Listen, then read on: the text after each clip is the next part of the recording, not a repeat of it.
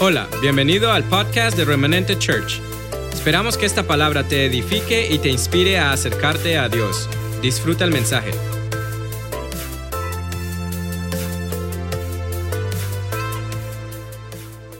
El título de esta predicación se llama El retrato.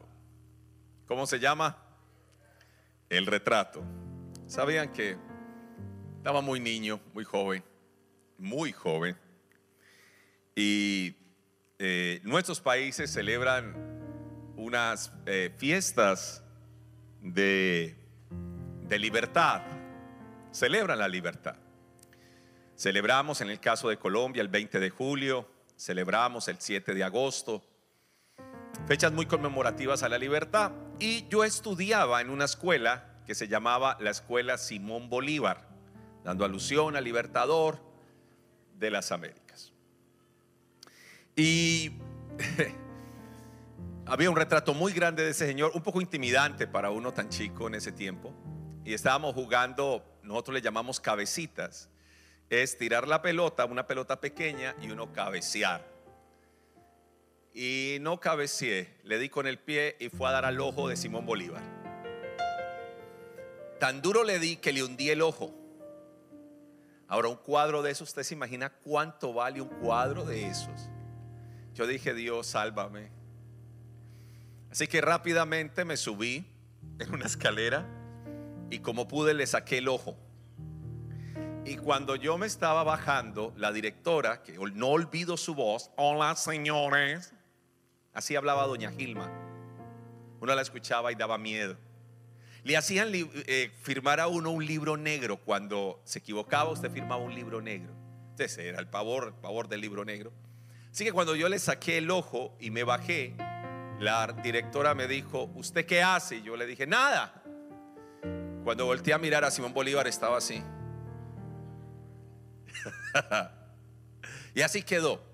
Años después, regresé a la escuela a, a visitarlos, a dar una conferencia de familia.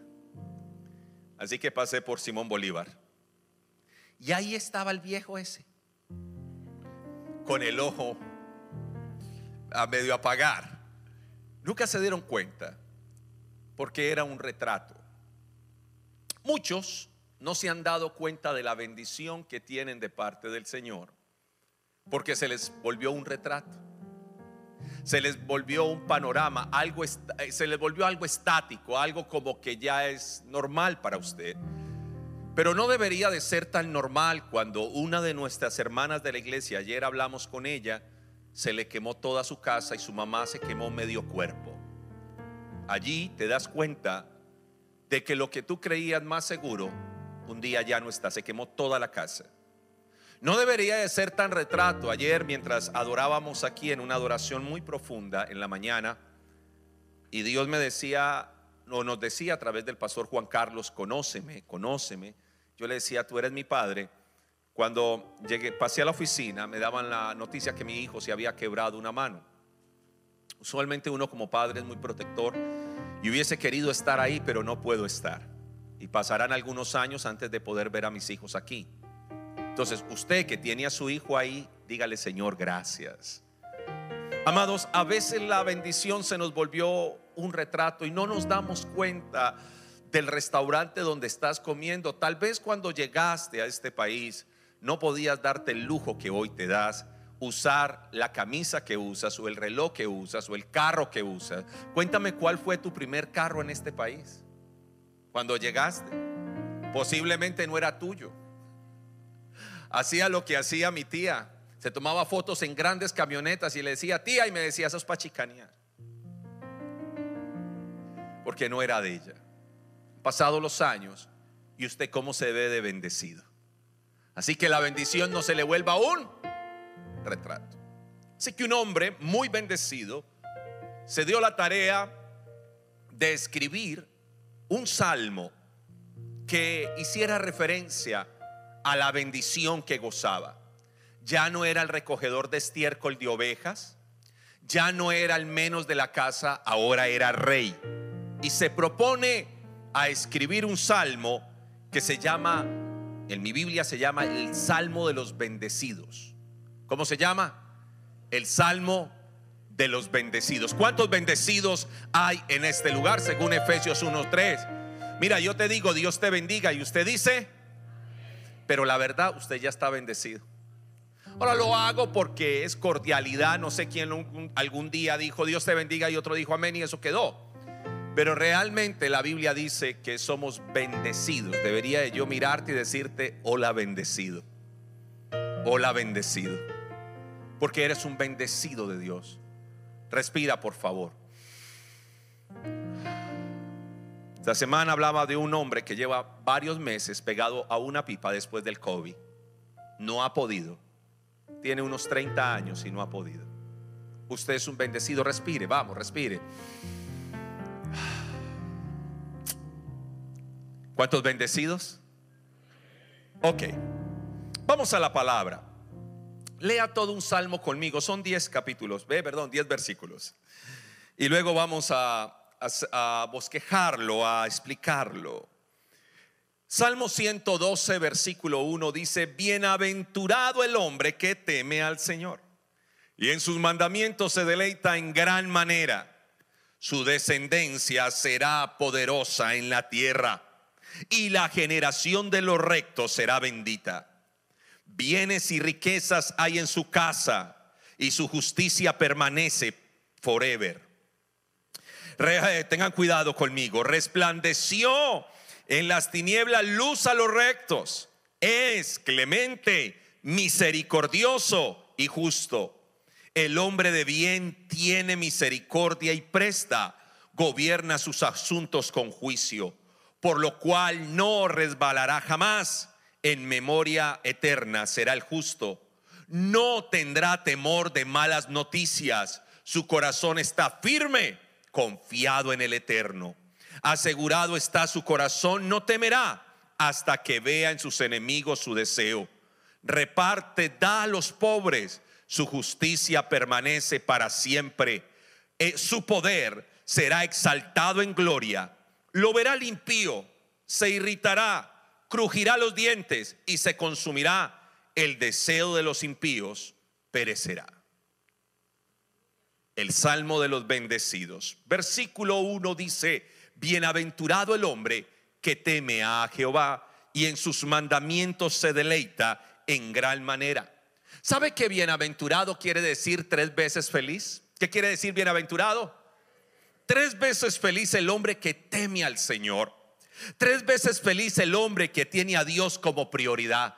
Sonríe al que tiene a su lado. Muéstrele esa sonrisa de siete mil dólares. Muéstresela y dígale, usted es tres veces feliz. Dígale, usted es tres veces feliz. La bendición tiene un ciclo descendente. Nuevamente sube como la lluvia y baja. Y la adoración tiene un ciclo ascendente.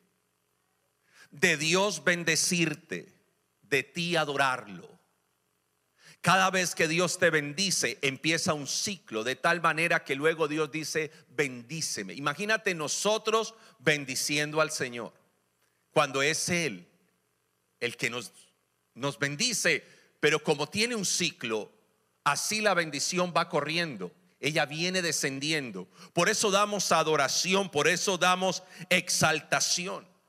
Y nótese una palabra que me gusta en, esta, en este versículo. Dice, por favor vuélvelo a colocar, hijo. Dice, en sus mandamientos se deleita en gran manera. ¿Sí escuchó eso? No dice en sus promesas se deleita en gran manera. ¿Qué dice? Sus mandamientos, no sus promesas. Les voy a dar un ejemplo. En Juan 15, 7 dice, si permanecéis en mí y mis palabras permanecen en vosotros, pidan lo que quiera y les será hecho. Otra vez, si permanecéis en mí y mis palabras permanecen en vosotros, pidan lo que quiera y les será hecho. El 90% de las personas que citan esa palabra es pida lo que quiera y les será hecho. Pero no así es, porque primero está el mandamiento. Dice, si permanecéis en mí y mis palabras permanecen en quién. Por eso el salmista dijo, me deleito en gran manera en tus mandamientos. ¿Por qué deleitarse en un mandamiento? ¿Cuántos mandamientos hay? Pregunta de hamburguesa del corral. De Rod, Rod, Rod Roy, ¿cómo es la? Red Robin. Ok, pregunta de hamburguesa de Red Robin. ¿Por qué? ¿Cuántos mandamientos hay? Ah, se la ganó. Hay 613 mandamientos. ¿Cuántos preceptos? Para cumplir esos mandamientos. 6 mil. O sea que en total hay 6 mil 613 mandamientos. Y el salmista dijo, me deleito en ellos. Escuche esto, me deleito en ellos en gran manera. No haciendo muecas, no obedeciendo, haciendo guiños. No, no haciendo como cara que no quiere, no, él dijo, me deleito en tus mandamientos, vamos, en gran, me dice mi abuela, hijo, ah, tu abuelo está apilando carbón, eh, madera para hacer carbón. Con el acerrín de la madera se tapa la madera que se apila, se cubre y se hacía carbón. Así que las algunas raíces de los árboles se han incendiado y han creado unos hoyos con fuego por, por la raíz. Así que no podrás ir a las pilas de carbón. ¿Dónde cree que me gustaba ir? A ayudar a pilar carbón, madera para carbón.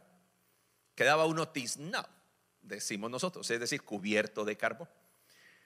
Así que yo me fui para allá. ¿Qué me dijo? Que no. ¿Y sabe qué hice? Tonto fui.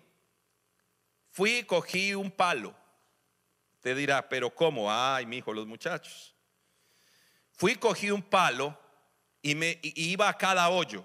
Así que fui al primero y se hundió. Así que ahí no me podía meter. Me fui a otro y se hundió como hasta la mitad. Entonces lo medí y dije, no, ahí me quemo.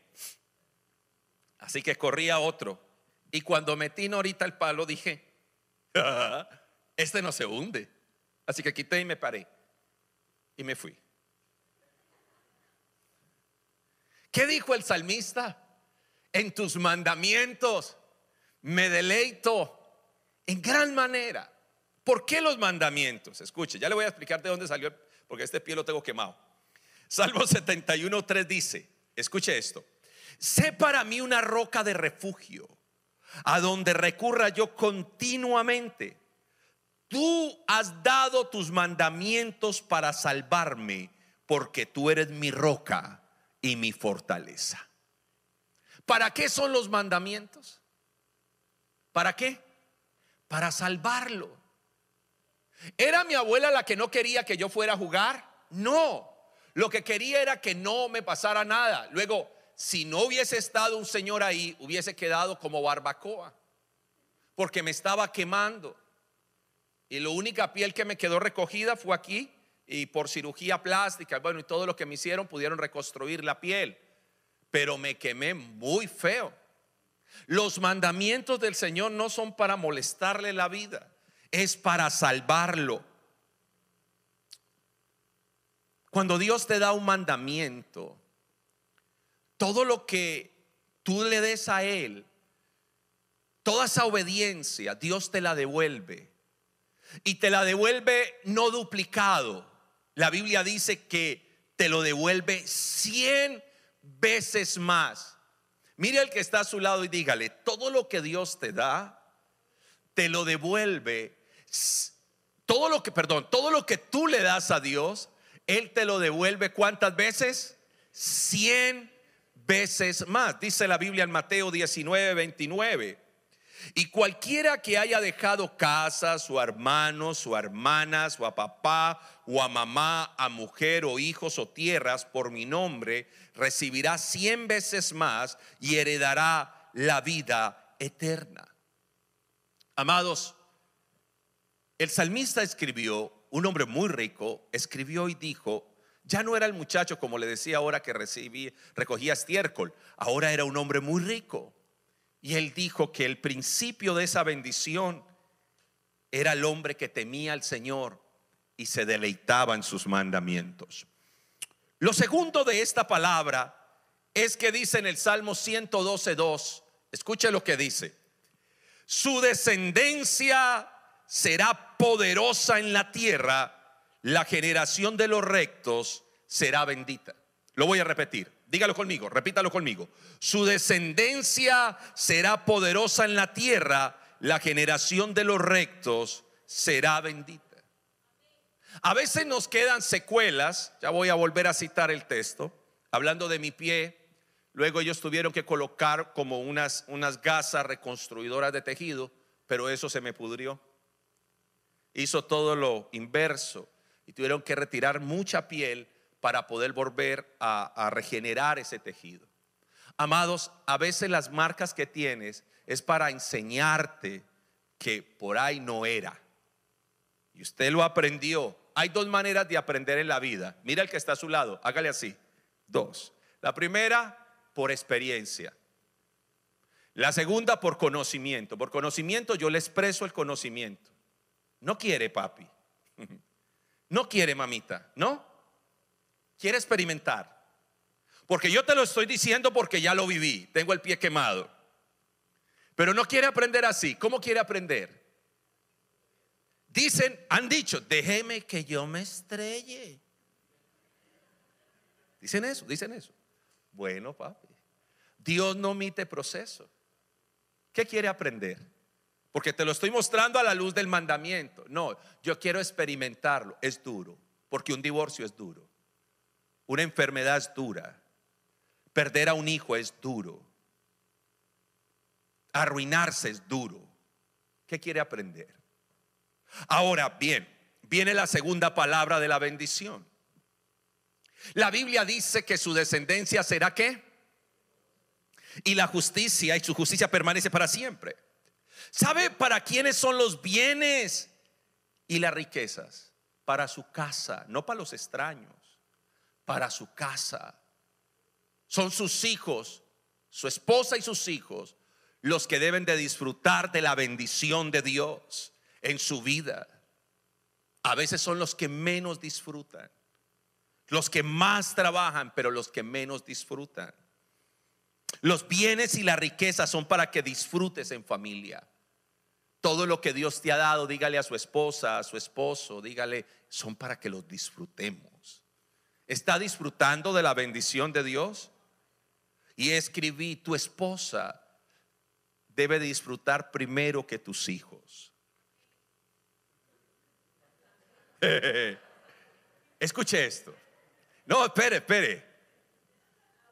Resulta que yo soy muy bueno con mis hijos. Escucha. Señor trae paz. Me imagino que los que están en casa ya también estén. Escucha.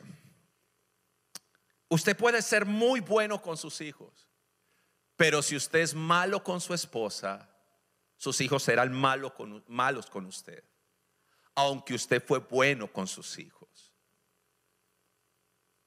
Porque ellos, si quiere ser bueno con sus hijos, honre a su esposa. Y ellos se lo agradecerán toda la vida. Mujer, ahora sí las mujeres. Si usted quiere ser buena con sus hijos, pero es mala con su esposo, sus hijos la terminarán odiando. Se lo está diciendo un hombre que atiendo a miles de personas al año. Pastor, pero yo me esforcé por él. Pastor, pero yo lo cuidé. ¿Y cómo era usted con su esposo? No, eso no importa. pero es que yo lo sí importa. Porque cuando crezcan, mirar, ellos, ellos caminan por algo que se llama modelamiento. Se llama como modelamiento. Y si tú eres bueno con tu esposa, tus hijos te honrarán. Y si tú eres buena con tu esposo, tus hijos te honrarán. Así que no hay tal de que yo soy un amor, un, un angelito con mis hijos y un demonio con... No se puede. Así que tu esposa es la primera que debe de disfrutar de la riqueza que Dios les ha dado. Tu esposo es el primero que debe disfrutar de la riqueza que Dios les ha dado. Y tus hijos deben de disfrutar de la bendición que Dios les ha dado. La Biblia dice que su justicia permanece para siempre, lo dice el versículo. Así que honras a Dios mirando hacia tu casa, honrando tu casa, mirando los ojos de tu amada y mirando los ojos de tus hijos. Y entonces tu justicia será para toda la vida. No hay virtud ninguna. No hay virtud en ninguna justicia que hagas si no lo haces primero para tu casa. Tenía un hermano en Colombia, un, gran negocio de verduras. Y cada semana no me faltaban mis verduras frescas. Es más, mi esposa sabe de esto también que nos pasó. Empecé a atender a un empresario que distribuía fruta de excelente calidad. Así que él me prometió y me dijo cada semana, a mí me daba hasta, a veces me inquietaba porque decía, no, no, es demasiado, teníamos que regalarlo. Pero ella veía la cantidad de verdura y fruta fresca, de alta calidad que nos llegaba a casa.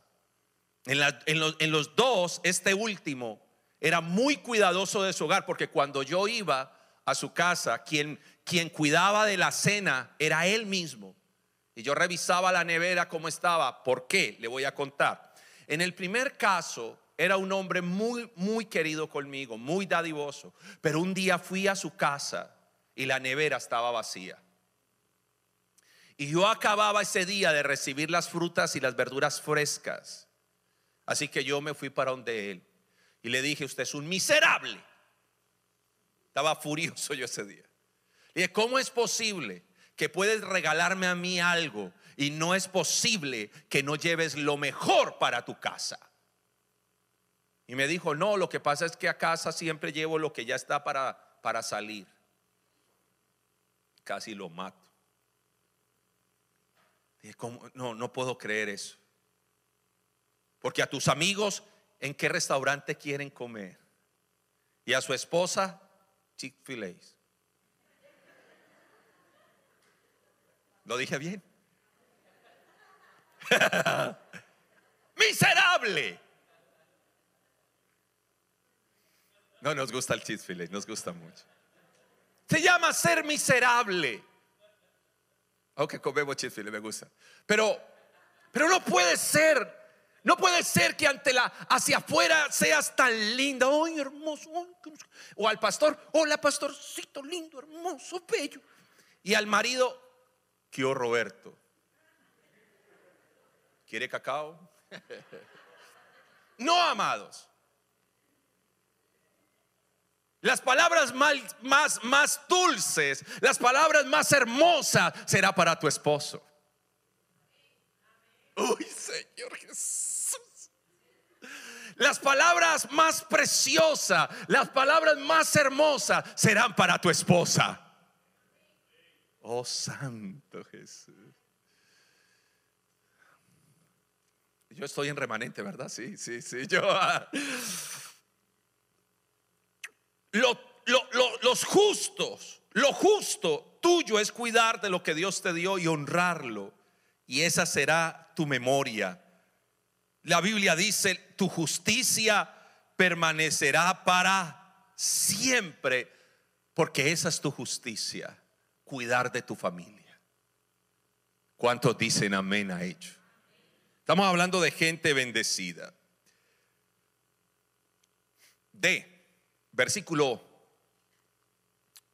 versículo 4. Resplandeció en las tinieblas luz a los rectos, escuche esto, es clemente, es misericordioso y justo. Las más densa oscuridad provocará que brilles más, porque resplandeció en las tinieblas luz. ¿A quién? La más oscura noche verá venir el más hermoso amanecer tuyo. ¿Cuánto lo reciben? No temerás ninguna noche, porque el Señor promete estar contigo allí. La única noche a que le temo es cuando yo no honro a mi papá y a mi mamá. Pues la escritura dice en Proverbios 20:20, el que maldice a su padre o a su madre, se le apagará su lámpara en oscuridad tenebrosa.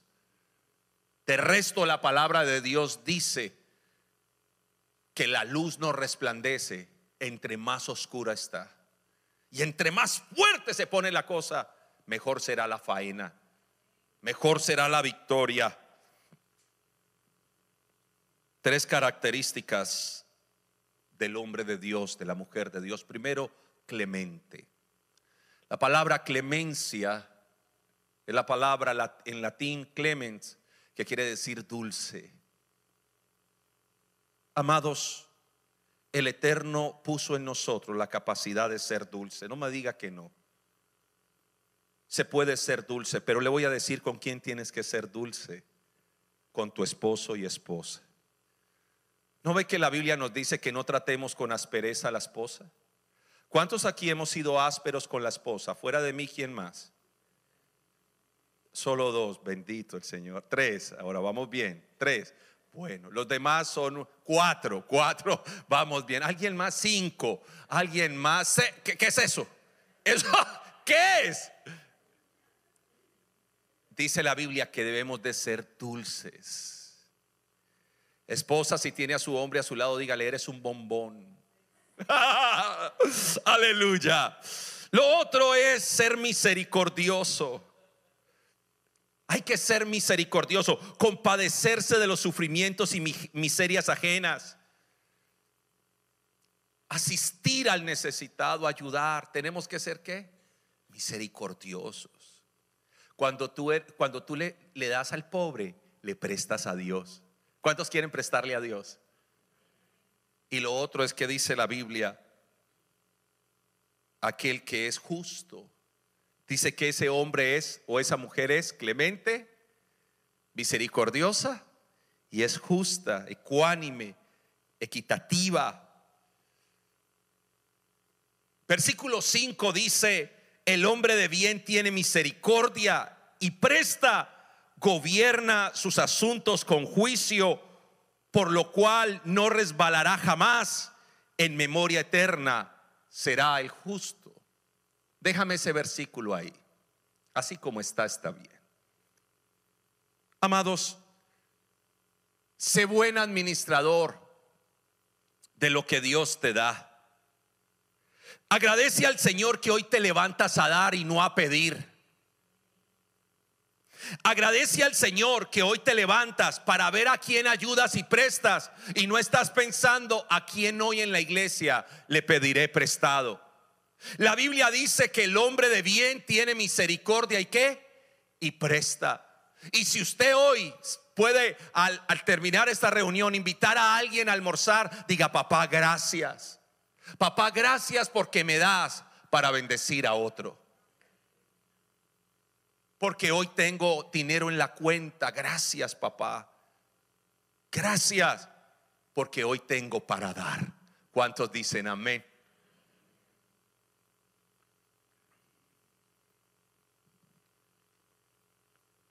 Habla muy bien de ti el que seas buen administrador. Podrías orar mucho, saberte toda la Biblia, pero si eres un mal administrador financiero, el reino de Dios no ha llegado a tu vida. Eres un religioso. Porque una de las cosas que evidencia el reino es ser administrador. Y rico no es el que tiene. Rico el que es el que se deleita con lo que tiene. Porque muchos ricos tienen, pero no se deleitan. Pero de verdad el hombre bendecido es el que se deleita, come en paz, disfruta lo que Dios le entregó.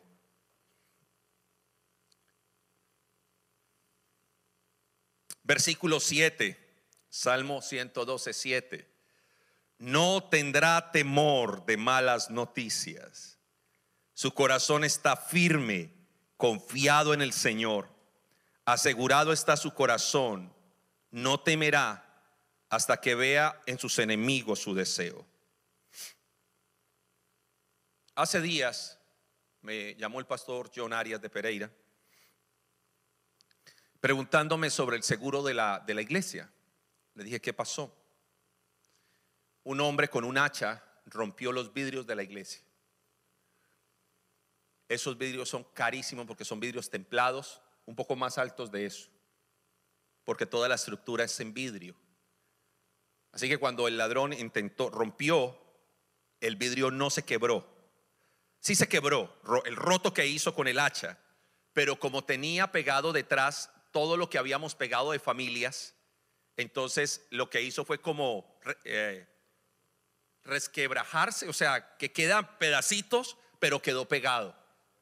Rompió tres vidrios. Pero lo próximo que él me dijo fue, paz, ¿está asegurado? Llamé a la aseguradora y me dijo, sí, pastor, está asegurado. Y gracias a Dios. Ayer cuando me llamaron que mi hijo se había quebrado la mano, rápidamente llamé a la empresa aseguradora y me dijo, sí, usted, su seguro está vigente. ¿Sabe qué siente uno? ¿Qué siente? Tranquilidad. ¿Sabe qué dice la Biblia? Devuélvete al versículo, hijo 7. No tendrá temor de malas noticias. Quiere decir que pueden venir qué? Pero escucha lo que dice. Su corazón está firme, confiado en Jehová. Asegurado, versículo 8, asegurado está su corazón, no temerá hasta que vea en sus enemigos su deseo.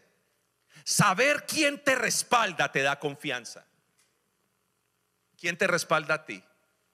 ¿Quién es tu respaldo? ¿Quién es tu respaldo? ¿No te hace eso hablar con autoridad? ¿Sabía que Dios no te manda a orar por enfermos? Dios te, Dios te manda a sanar enfermos. Eso es muy diferente. Porque una cosa es que usted ore por un enfermo, otra cosa es que usted sane al enfermo.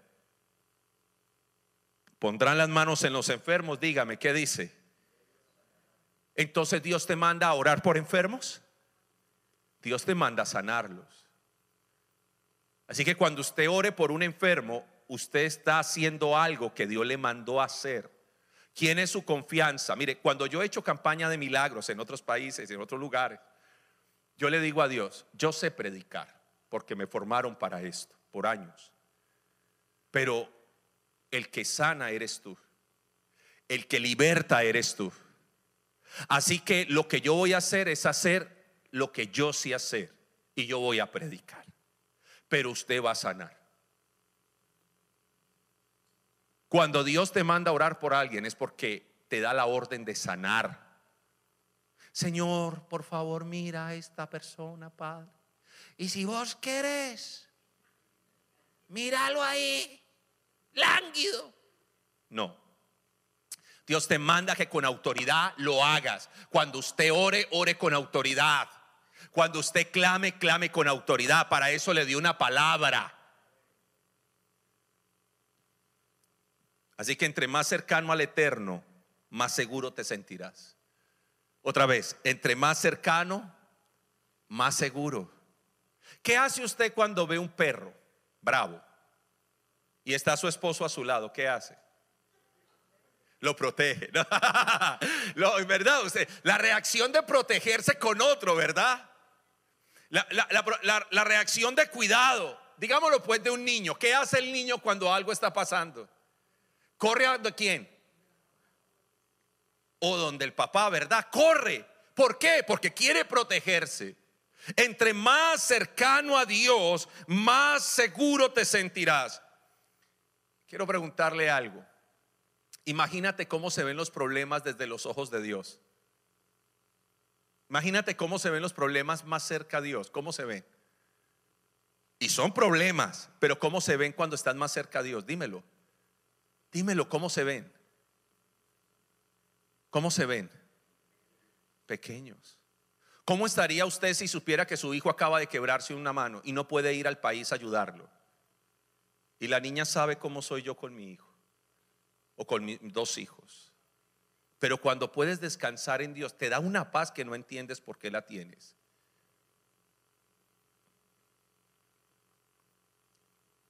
Así que lo fortuito no moverá lo eterno. Lo temporal será vencido por la eternidad que tienes. Hey, le voy a dar que le, le voy a decir que le da Dios a usted en medio de los problemas. Le da confianza, le da seguridad. Aléjese. Dice la Biblia que mientras Pedro estaba viendo al Señor, empezó a caminar sobre las aguas. Pero dice específico, dice, y quitó la mirada de Jesús y empezó a mirar las olas y empezó a mirar los vientos y empezó a qué? Mientras usted mantenga enfocado en Jesús, usted será un campeón. Quite su mirada de Jesús y usted se sentirá muy mal. Te sentirás vencedor. Gálatas, perdón, Salmo, Salmo 11.9, dice la Biblia, reparte, da a los pobres, su justicia permanece para siempre, su poder será exaltado en gloria, lo verá el impío, se irritará, crujirá los dientes y se consumirá el deseo de los impíos perecerá. devolvámonos al versículo 9. Un momento. Quiero decirte algo. Mientras tú más creces, más pequeño es tu enemigo. Otra vez, mientras más creces, el enemigo se ve pequeño. Hace días volví a una de las casas donde vivimos. Vivimos en muchas casas pagando arriendo. Y recuerdo en una que era un poquito tenebrosa. Y yo veía eso muy grande, bajar del segundo piso al primer piso y pasar por la sala y llegar al baño que el bombillo no funcionaba. Y esa puerta, cuando uno la abría, hacía, ay Señor, me van a comer aquí. Que uno no sabía dónde poner el chorro ahí en esa oscuridad tan tremenda. Y uno de niño volver a pasar la sala para volver a subir a los cuartos. Pero sabe algo, al llegar a esa casa me di cuenta que era muy pequeña. Pero yo la veía como muy grande. Entre más creces en Dios, más pequeño vas a ver tu problema. Mire el que está a su lado y dígale, tu problema tiene solución. Dile, e, eso, eso que hoy lo ves como tan grande, no lo es. En manos de papá, no lo es. Así que dice la Biblia en el versículo 10, dice, lo verá el impío y ¿qué le va a pasar? Se irritará, crujirá los dientes y se consumirá. Así que el enemigo te dice, hey, no puede ser que vayas a ayudar otra vez. No puede ser que vayas a dar otra vez. Está loco. Porque el versículo 9, vuelve al versículo 9, dice que reparte y da quién. Pero ya había dado a los pobres porque atrás dice que es un hombre que presta y que da. Pero aquí nuevamente vuelve y dice que Él da y el enemigo eso lo enfurece porque sabe que lo que abre la llave del cielo no es lo que pide, sino lo que das. Había una viuda, había una mujer con un niño no tenían nada más que un poco de harina y un poco de aceite. Y Dios le dice al profeta, yo me voy a proveer de, alguien para bendecirte. Así que cuando él llega al lugar, Dios le dice, arrímatele a la, a la viuda, arrímatele a esa mujer. Y él le dice, hazme un favor, hazme una torta cocida y tráeme un poco de agua. Ella le dice, Señor, lo único que tengo en esa tinaja es un poco de harina, la cual esperaba comerme y al comerla luego esperar morirme con mi hijo.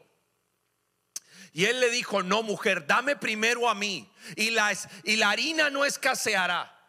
Y el aceite tampoco escaseará. Y ella viene, le prepara algo y le dice, vaya traiga recipientes y empiezan a llenarlos de aceite. Aceite algo caro para ese momento. Hasta que hubo tanto que al final le dijo, Señor, ya no hay más recipientes. Entonces cerró la llave. ¿Cómo, ¿Cómo pedirle a alguien que no tiene cuando sabes quién es el que da? Entonces, una de las cosas que hace crujir los dientes del enemigo es cuando tú das. El enemigo dice, no, no puedes dar. Ya diste. Pero Dios te dice, da más. Vas a ayudar a otro. Vas a repartir a otro vas a patrocinar eso. No, no, no, no puedes, dice Satanás. ¡Ey! Despierten, dice Satanás. Nos están ganando. ¿Por qué? Porque no hay cosa más peligrosa para el infierno que un hijo de Dios dando. ¿Sabe qué hacía el dueño de Colgate? El dueño de Colgate, el, creador de esta pasta dental, el 90% de sus ganancias las sembraba y vivía con el 10%. Ahora quiero preguntar, ¿cuánto era el 10% entonces? Amados, ¿quiere usted, mujeres, a ver, las mujeres aquí, ¿quiere usted renovar ese closet que tiene? ¿Qué tiene que hacer? Mira cómo guardan silencio. Ay, Señor. Ah. ah. Seré solamente yo. Ricardo también escuchó el silencio.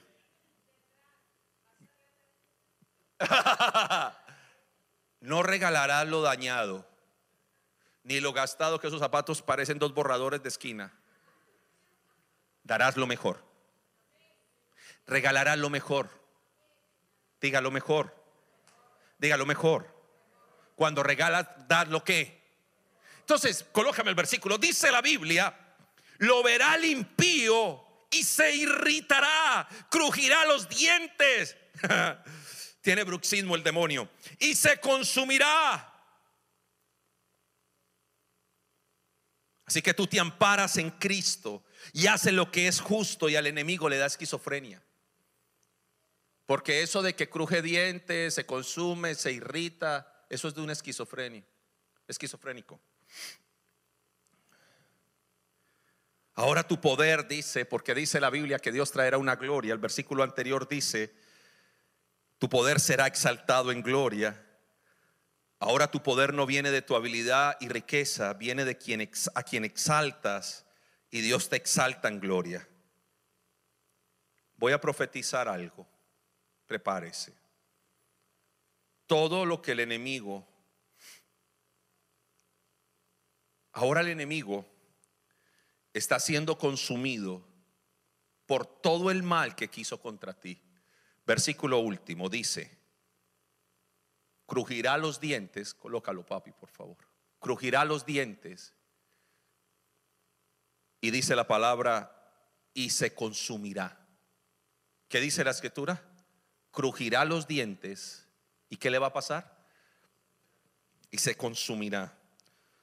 Todo plan que el enemigo quiso contra ti, Dios lo transforma para promocionarte.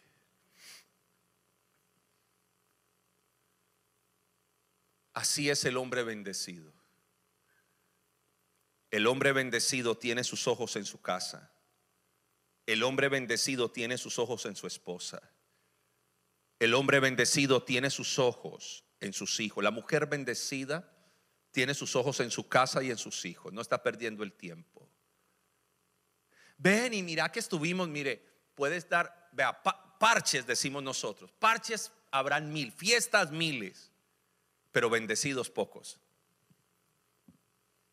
Así que usted está enfocada, usted no está perdiendo el tiempo. Oiga, la está dejando el tren, a usted la está dejando el tren. Porque yo me voy para Europa de viaje. ¿Por qué? Porque eres una bendecida.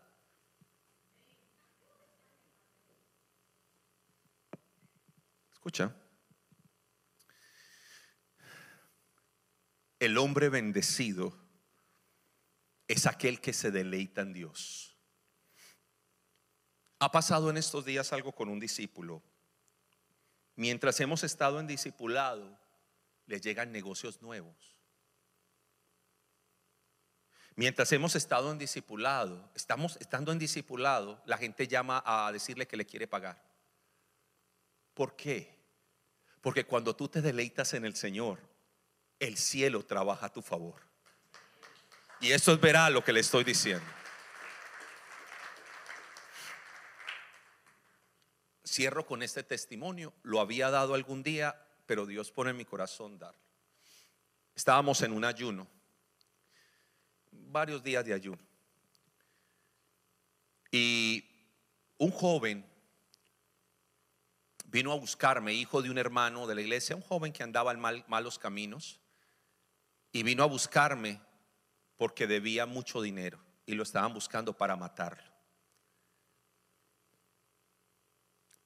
Si usted me pregunta si ese día tenía yo ese dinero para dárselo, no, no lo tenía. Era un dinero, varios millones de pesos. Era, era un dinero significativo, no lo tenía. Así que cuando él vino a buscarme a la iglesia desesperado, yo estaba ocupado, dijeron, él está ocupado, lo quiere esperar, siga, y no me esperó. A mediodía volvió y yo estaba ocupado y no me quiso esperar. Y en la tarde estaban tan desesperado, tan desesperado, tan desesperado ese hombre amado que lo iban a matar literal, que él se quedó mejor esperando.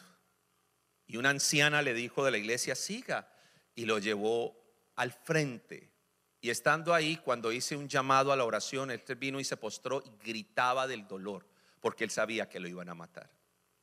Y otra hermana vino, sacó de su bolso un paquete, era un paquete de dinero. Y ella dijo, mire joven, yo no sé qué necesidad usted tenga, pero Dios me dijo que sacara este dinero y que el que se postrara al frente se lo entregara y lo que ese hombre debía, esa mujer que había recibido una gran cantidad de dinero, sacó esa ofrenda y la preparó para el que se postrara al frente. Cuando ese hombre se postró y se humilló, Dios pagó su deuda. ¿Vio cómo inició este salmo? Recuérdeme el versículo cómo inició. ¿Sabe qué dice? Bienaventurado el hombre que teme al Señor y en sus mandamientos se deleita en gran manera. O sea que lo perdimos para el mundo, sí. Sí. O sea que le lavaron el cerebro, respóndame. Sí. Ese día ese hombre pagó la deuda. Amado, ¿sabes qué tienes que hacer? Sigue ese ejemplo de ese muchacho. Dile, papá, me rindo. ¿Sabes qué voy a hacer? Me voy a deleitar en ti. Y cuando tú te deleitas en Dios, te vuelve la persona más segura que hay. Más confiada que hay. Más fuerte. Tu fuerza no es por los músculos que tiene. Tu fuerza es porque Dios es tu fortaleza.